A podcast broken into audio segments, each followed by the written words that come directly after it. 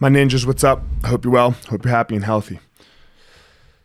Sometimes, right, we have to deny the feeling of collapse. We all have been there. We, we all have been in that moment where we're like, I just can't take anymore. No, nobody has not not been there. I think I said that right. It's what you do with that moment. What do you tell yourself in that moment when you when that is what you you you say? When that is the thought that's going on in your brain, I can't do this anymore. These are the moments that really matter the next thing you do.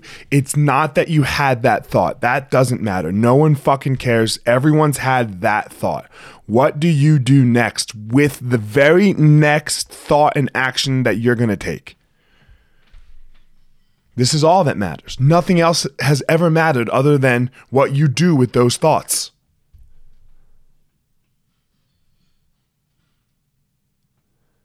Do you make that choice to say, no, man, fuck you? Do you deny the collapse? Do you say, I can do it? No, no, no, no. That was wrong. That was bullshit. That's not true because I can do it because I am enough.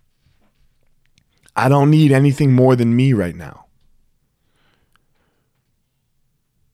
Those are the thoughts that come next. And we have to train those thoughts. We have to be able to make those thoughts occur because everyone's been there.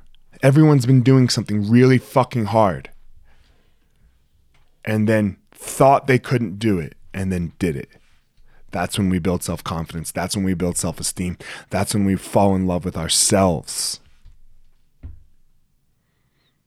Let's go. Deny the collapse. Find your power.